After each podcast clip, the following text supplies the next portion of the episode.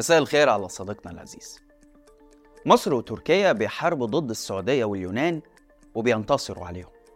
لكن بعد سنوات قليلة بيدخلوا في حرب جديدة ضد بعض وبيكون الانتصار في البداية لمصر. بس بعد كده بتحصل تركيا على دعم روسي بيعدل الكفة وتضغط إنجلترا وفرنسا على مصر عشان توقع القاهرة وإسطنبول اتفاقية سلام هتشكل أساس العلاقة بين البلدين لفترة طويلة. تخيل أنه ده اللي حصل في بدايات القرن ال 19 لكن بعد 200 سنة تقريبا هتقف السعودية واليونان في صف مصر ضد تركيا في إطار حرب باردة إقليمية اندلعت في أعقاب ثورات الربيع العربي اللي اندفعت أنقرة في تأييدها قبل ما تقرر التراجع والتصالح مع أنظمة الثورات المضادة وعلى رأسها السيسي في مصر وحكومات السعودية والإمارات. زيارة أردوغان لمصر والإعلان عن زيارة السيسي لأنقرة في شهر أبريل وتوقيع إعلان عودة مجلس التحالف الاستراتيجي بين البلدين بتفتح صفحة جديدة وبتتوج مسار تطبيع العلاقات اللي بدأ بمصافحة جرى الترتيب ليها على هامش افتتاح مونديال قطر. وأنهى 12 سنة من القطيعة السياسية والدبلوماسية بين اتنين من أكبر وأهم دول المنطقة واللي بيجمعهم تاريخ طويل ومعقد أكبر مما تتخيل. زيارة السيسي لأنقرة مش هتبقى الأولى لأنه سبق وزارها في مايو 2013 يعني قبل أسابيع قليلة من انقلابه على مرسي وقتها قابل وزير الدفاع التركي عصمت يلماظ ورئيس الوزراء أردوغان اللي يقال إنه كلم مرسي بعدها وحذره من نوايا وزير دفاعه لكن مرسي طمنه وقال له إنه بيثق في الجيش المصري. لكن مفيش شهر واحد وتمت الإطاحة بمرسي وده اللي أغضب أردوغان وخلاه يرفض الاعتراف بنظام السيسي اللي وصفه بالقاتل والانقلابي عشان يتم طرد السفير التركي من القاهرة في نوفمبر 2013 وتفتح تركيا أبوابها لاستضافة آلاف المعارضين المصريين وتسمح لهم بإنشاء قنوات تلفزيونية يعبروا من خلالها عن مواقفهم السياسية ويترحم أردوغان على مرسي ويعتبر أن وفاته مش طبيعية Tayyip Erdoğan niçin Sisi ile görüşmüyor diyenlere cevap veriyorum. Ben böyle bir kişiyle asla görüşmem. لأن أنا ما أقدرش أتصالح مع اللي عايز يهد بلادي ويأذي شعبي وولادي ما أقدرش في المقابل يشن إعلام السيسي حملات تشويه وإساءة لتركيا ورئيسها وتستضيف مصر مئات المعارضين الأتراك المنتمين لجماعة فتح الله جولن بعد اتهامهم بالوقوف وراء محاولة انقلاب ضد أردوغان سنة 2016 ويسمح لهم كذلك بإدارة مدارس وصحف على غير هوى أنقرة. ويوصل الخلاف أشده لما تتعاون مصر مع قبرص واليونان وإسرائيل فيما يتعلق بغاز شرق المتوسط وتؤيد حصار قطر اللي رفضته تركيا وتدخلت بجيشها عشان تمنع أي غزو محتمل للدوحة. وتسعى مصر مع الإمارات لدعم حفتر في هجومه على طرابلس واللي نجحت حكومة الوفاق المعترف بها دوليا في صده بمساعدة عسكرية من أنقرة. وبينما بتوصل للمواجهة الأعلى مستوياتها وبيتوقع البعض دخول البلدين في صراع عسكري أو حرب بيظهر صوت العقل. ويرجع الطرفين من حافة الهوية ويبدأوا مسار لترميم العلاقات بشكل تدريجي بطيء. دون انقلابات سياسية أو اندفاعات غير مدروسة. فبيتم تجنب ملفات الخلاف والعمل على ما يمكن إنجازه والبداية تكون من الاستجابة للمطالب الأكثر إلحاحا من كل طرف. فيطلب السيسي وقف القنوات المعارضة لنظامه مقابل وقف الإساءة لتركيا في الإعلام المصري ويطلب أردوغان عدم استبعاد تركيا من ملف غاز شرق المتوسط وإن حل الأزمة في ليبيا يكون عبر انتخابات عامة. ويبني النظامين مع الوقت ثقة متبادلة توصل في النهاية لتطبيع كامل وسط تفاؤل بفتح صفحة جديدة يكون عنوانها التعاون السياسي والاقتصادي بين البلدين والتقارب الثقافي والاجتماعي بين الشعبين. يا ترى التاريخ بيقول لنا إيه عن علاقة مصر مع تركيا؟ وإيه اللي نستفيده من صورة السيسي مع أردوغان؟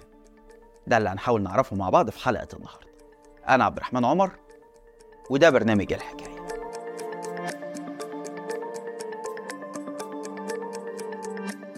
بقى النهارده يبقى الأصول اللي موجودة في مصر بتاعت محمد علي. وبس. أهلا بيكم. بعد سنوات قليلة من وصول محمد علي لحكم مصر سنة 1805 بدأ يظهر خطر يهدد أمن دولته الوليدة.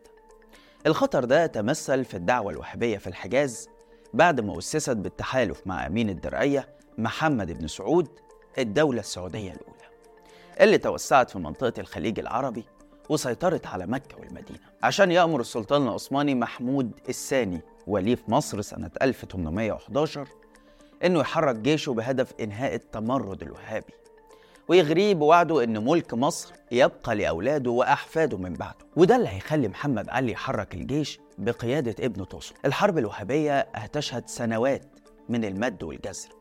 ما بين انتصارات هيحققها جيش محمد علي في مكة والمدينة والطائف وهزائم هيتلقاها في مدن تانية.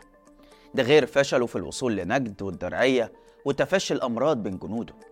الأمر اللي خلاه يبعت في طلب النجدة من والي مصر اللي هيروح بنفسه على رأس الجيش وهيترك أمر مصر لنائبه لزغلي اللي هتكون مهمته إرسال المزيد من الجند والسلاح والمال. وبعد أربع سنين هتتوقف الحرب مؤقتا باتفاقية سلام مع الأمير عبد الله بن سعود لكن سنة 1818 هيبعت محمد علي جيش جديد بقيادة ابنه إبراهيم اللي هيكمل عمل أخوه توسن ويحقق نصر عسكري صح. انتهى بحصار الدرعية واستسلام الأمير عبد الله اللي هيسلمه محمد علي للدولة العثمانية عشان يتم إعدامه. الحروب الوهابية دي غير إنها هتفرض سيطرة محمد علي على مكة والمدينة وجدة لغاية تأسيس الدولة السعودية الثانية لكنها كمان هتشكل نقطة تحول تاريخية وهتدفع الباشا إنه يبدأ يؤسس الجيش المصري بقيادة ابنه إبراهيم ورئيس أركانه سليمان باشا الفرنساوي.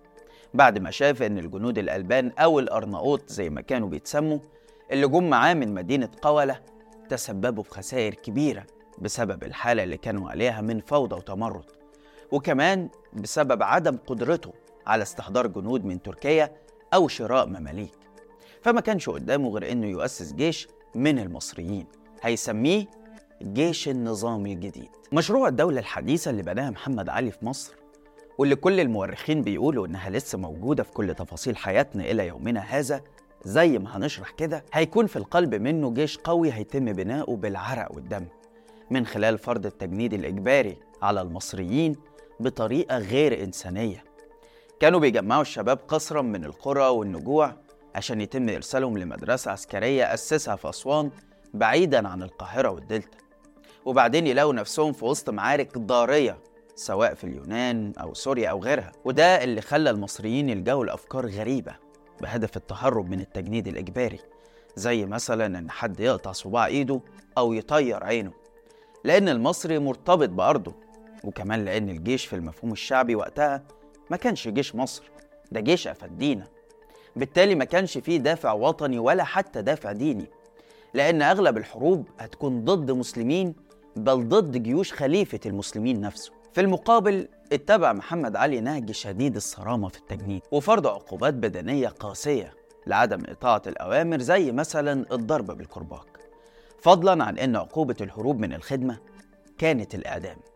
وده يمكن اللي عبر عنه في مراسلاته مع ابنه إبراهيم سنة 1823 لما كتب له أهل مصر ليسوا معتادين على الخدمة العسكرية كما أهل أوروبا. وحكومتنا ليست قوية كحكومتهم. لذا علينا أن نكيف احتياجاتنا لتتفق مع قدراتنا. وكي نتقدم خطوة خطوة يجب أن نكون واقعيين. كمان سخر محمد علي الدولة كلها لخدمة الجيش. فأنشأ مستشفى القصر العيني مثلا عشان تخرج أطباء للجيش. وأسس مطبعة بولاق عشان تطبع الكتب العسكرية اللي هيتلقى الضباط والجنود تعليمهم منها. ولكن تتخيل بقى أن عدد أفراد الجيش كان بيزيد بشكل سريع جدا. يعني في 1823 كان قوامه 30 ألف جندي. بعدين تضاعف ل 60 ألف في سنة 1824 ثم 90 ألف في سنة 1826 ووصل ل 100 ألف سنة 1835 قبل ما يبلغ مداه ل 130 ألف جندي سنة 1839 تخيل الرقم ده في بلد تعداد السكان وقتها كان أقل من 3 مليون نسمة وشعب جديد على فكرة التجنيد الإجباري. بالجيش ده هيحقق إبراهيم باشا انتصارات عسكرية مهمة هتخليه واحد من أبرز وأمهر القادة العسكريين في التاريخ. سنة 1824 هينجح في القضاء على التمرد اليوناني ضد الدولة العثمانية. لكن بعد سنوات قليلة هتبدأ حروبه التوسعية وهيخضع بلاد الشام لحكمه وهيشتهر بأنه القائد اللي فتح عكا بعد ما عجز نابليون نفسه عن فتحها بسبب تحصيناتها المنيعة. ومش هيوقف طموحه على الحجاز أو الشام بل هيطمع في الأناضول نفسها.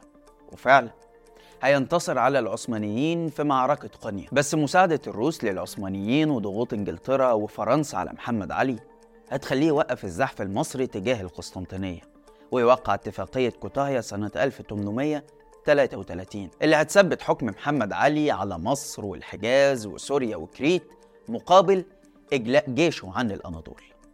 لكن العثمانيين هينجحوا سنة 1840 في الانتصار على جيش إبراهيم باشا وهيجبروه على الرجوع لمصر مقابل توقيع اتفاقية لندرا أو لندن اللي أقرت بأن حكم مصر يكون وراثي في نسل محمد علي. وفي نفس السنة هيصدر فرمان شهير بتسريح الجيش المصري عشان ينخفض عدد جنوده ل 18 ألف بس. المؤرخ خالد فهمي بيرجع انتصارات إبراهيم باشا لعدة أسباب. منها قدرته العبقرية على الإلمام بالنواحي اللوجستية بمعنى إنه كان يقدر يحدد احتياجات جيش قوامه 50 ألف عسكري ومراسلاته مع والده كلها كانت بتدور عن إمداد الجيش طول الوقت بكل ما يلزمه. كمان كان ناجح في إجبار أعدائه على الاقتتال في المواقع والتوقيتات اللي هو بيختارها. ده غير براعته في التمويه والحرب النفسية ورشوة واستمالة الضباط العثمانيين. العامل التاني هو سليمان باشا الفرنساوي العسكري المحترف اللي ما بخلش على محمد علي بجهده ولعب دور مهم في تجنيد الفلاحين وتحويلهم لعساكر أو بتعبير خالد فهمي لترسف ماكينة بلا روح أو نفس. وده حصل عن طريق مزج مدارس عسكرية مختلفة من الانضباط البروسي بتاع فريدريك الثاني للتنظيم الفرنسي والأدبيات العثمانية. ويمكن كلنا عارفين إن كتير من الرتب والنداءات والأوامر ما زالت باللغة التركية في الجيش. يمكن أشهر كلمة باقية لحد النهاردة هي أفندم. لكن قبل كده كان عندك أومباشي ويوزباشي وبيكباشي وعريف وشاويش وأورنيك وكلمات تانية كتير. اللي دخل الجيش هيكون عارف بعضها ويمكن بيستخدمها بدون ما يعرف أصلها أصلا جاي منين. لكن الحقيقة إن الجيش المصري لغاية النهاردة عارف كويس هو تأسس إزاي. وفي تقدير رسمي كبير جدا لشخصيات زي إبراهيم باشا وسليمان باشا الفرنساوي. رغم إن ثورة يوليو 1952 اللي قادها الجيش تعمدت تعزيز التصور الشعبي السائد حوالين معاناة المصري تحت حكم الباشا التركي. لكن لما الجيش تحول لسلطة بعد كده ملقاش قدامه غير نفس أدوات الدولة الحديثة اللي أسسها محمد علي عشان يستخدمها في قهر المواطن أو جعله في خدمة الدولة وده عكس فكرة إن الدولة المفروض تكون هي اللي في خدمة المواطن والشعب. مصر اتحكمت على مدار قرون طويلة من أول الدولة الطولونية بواسطة شخصيات تركية أو على الأقل ذات ثقافة تركية باستثناءات بسيطة زي مثلا زمن الفاطميين أو الاحتلال الفرنسي. لكن محمد علي كان نقطة التحول الأبرز وده لأنه تمكن من بناء دولة قوية تفوقت في نواحي كتير على الدولة العثمانية نفسها ورسخ كمان للثقافة ونمط الحياة التركية في وسط النخب الحاكمة والأرستقراطية. فيما عرف باسم آلا تركا واللي استمرت سنوات طويلة لغاية ما طغى على الطبقات دي نمط حياة غربي عرف باسم آلا فرانجا بس في نفس الوقت ما كانش عموم الأتراك اللي هاجروا مصر بحثا عن ظروف حياة أفضل أو للدراسة في الأزهر أو للعمل في جهاز الدولة بيشوفوا نفسهم كأجانب في مصر وكانوا أكثر قدرة على الانصهار في المجتمع الجديد. والأمثلة هنا كتير. من أول أمير الشعراء أحمد شوقي لغاية الروائي يحيى حقي اللي لما تعين كدبلوماسي مصري في أنقرة قال بذهابي إلى تركيا عدت إلى الأرض التي هاجر منها جدي وعثرت هناك على أقرباء لنا سكنت عندهم. كما تعلمت التركية على كبر وأتقنتها. ده غير أن أول قانون للمواطنة نص على اعتبار الرعاية العثمانيين اللي سكنوا مصر قبل سنة 1848 مصريين وكان ليهم حق الانتخاب. لكن بعد سقوط الخلافة وتحديدا سنة 1926 انقسم الأتراك اللي في مصر بين اللي حصلوا على جنسية مصرية واللي حصلوا على الجنسية التركية.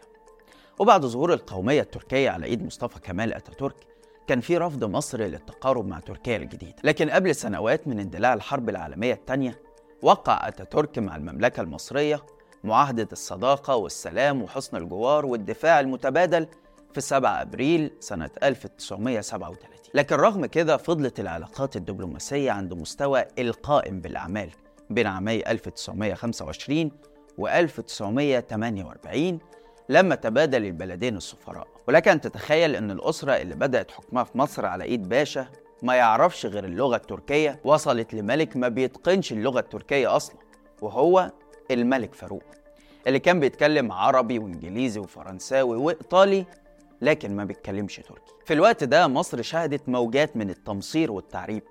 فضلا عن صعود الطيارات القومية سواء في مصر أو في تركيا زي ما حكينا. ومع وصول عبد الناصر وتبنيه القومية العربية وقربه من المعسكر الشرقي في حين أن تركيا كانت محسوبة على المعسكر الغربي. وأول دولة إسلامية تعترف بإسرائيل رغم تصويتها في الأمم المتحدة ضد قرار تقسيم فلسطين. كان من الطبيعي أن العلاقات تتدهور بسرعة. وصولا لطرد السفير التركي من القاهرة سنة 1954 وإن كان ده ما منعش تركيا من تخفيض علاقاتها الدبلوماسية مع إسرائيل مرتين.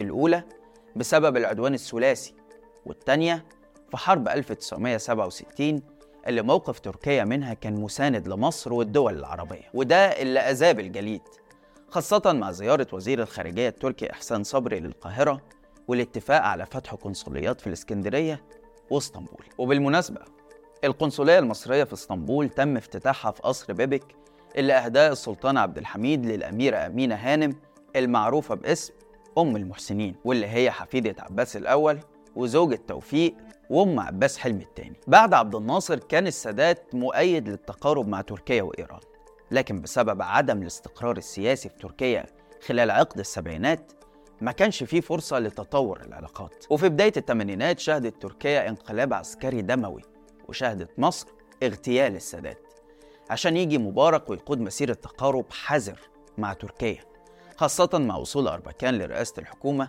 اللي زار مصر سنة 1996 واستجابت القاهرة لطلبه الانضمام لمجموعة الدول الثمانية الإسلامية الكبرى وفي سنة 1998 زار مبارك أنقرة وقاد وساطة بينها وبين دمشق ومع بداية الألفية ووصول العدالة والتنمية للسلطة زاد التعاون بشكل ملحوظ وتعددت الزيارات عشان يوقع البلدين اتفاقية التجارة الحرة سنة 2005 وبعدها بثلاث سنين وقع الجيشين المصري والتركي اتفاقية تعاون عسكري. وفي 2010 يتفق وزيرا الخارجية أحمد أبو الغيط وأحمد داوود أغلو على إقامة مجلس التعاون الاستراتيجي اللي هيعيده السيسي وأردوغان للحياة في 2024 في النهاية مصر وتركيا بلدين كبار. بيجمعهم تاريخ طويل من العلاقات المتشابكة وروابط متينة ما تأثرتش كتير بالخلافات السياسية وتراث مشترك وفرص تعاون غير مستغلة على مدى سنين طويلة. هل المصالحة الأخيرة بقى هتكون فعلا صفحة جديدة تعود بالخير على الشعبين؟ وهل التقارب المصري التركي هيكون لمصلحة استقرار المنطقة ويمكن البلدين من لعب دور أكثر فاعلية في الصراعات الإقليمية؟ الحقيقة إن الأيام اللي جاية هتكون كفيلة تجاوب لنا على الأسئلة دي. في الحلقة دي حاولنا نلقي نظرة على تاريخ العلاقات بين مصر وتركيا مع التركيز على الدروس المستفادة منه واللي من وجهة نظر المؤرخين فهي مهمة جدا لفهم الفلسفة اللي تأسست عليها الدولة المصرية الحديثة بس كده لحد هنا والحلقة خلصت شارك الحلقة لو عجبتك وتابع حساب شباك وحسابي على الانستجرام هتلاقي اللينك في الوصف. واستنانا كل يوم اتنين وجمعة الساعة 7 بالليل بتوقيت القاهرة في حلقة جديدة من برنامج إيه الحكاية؟ سلام.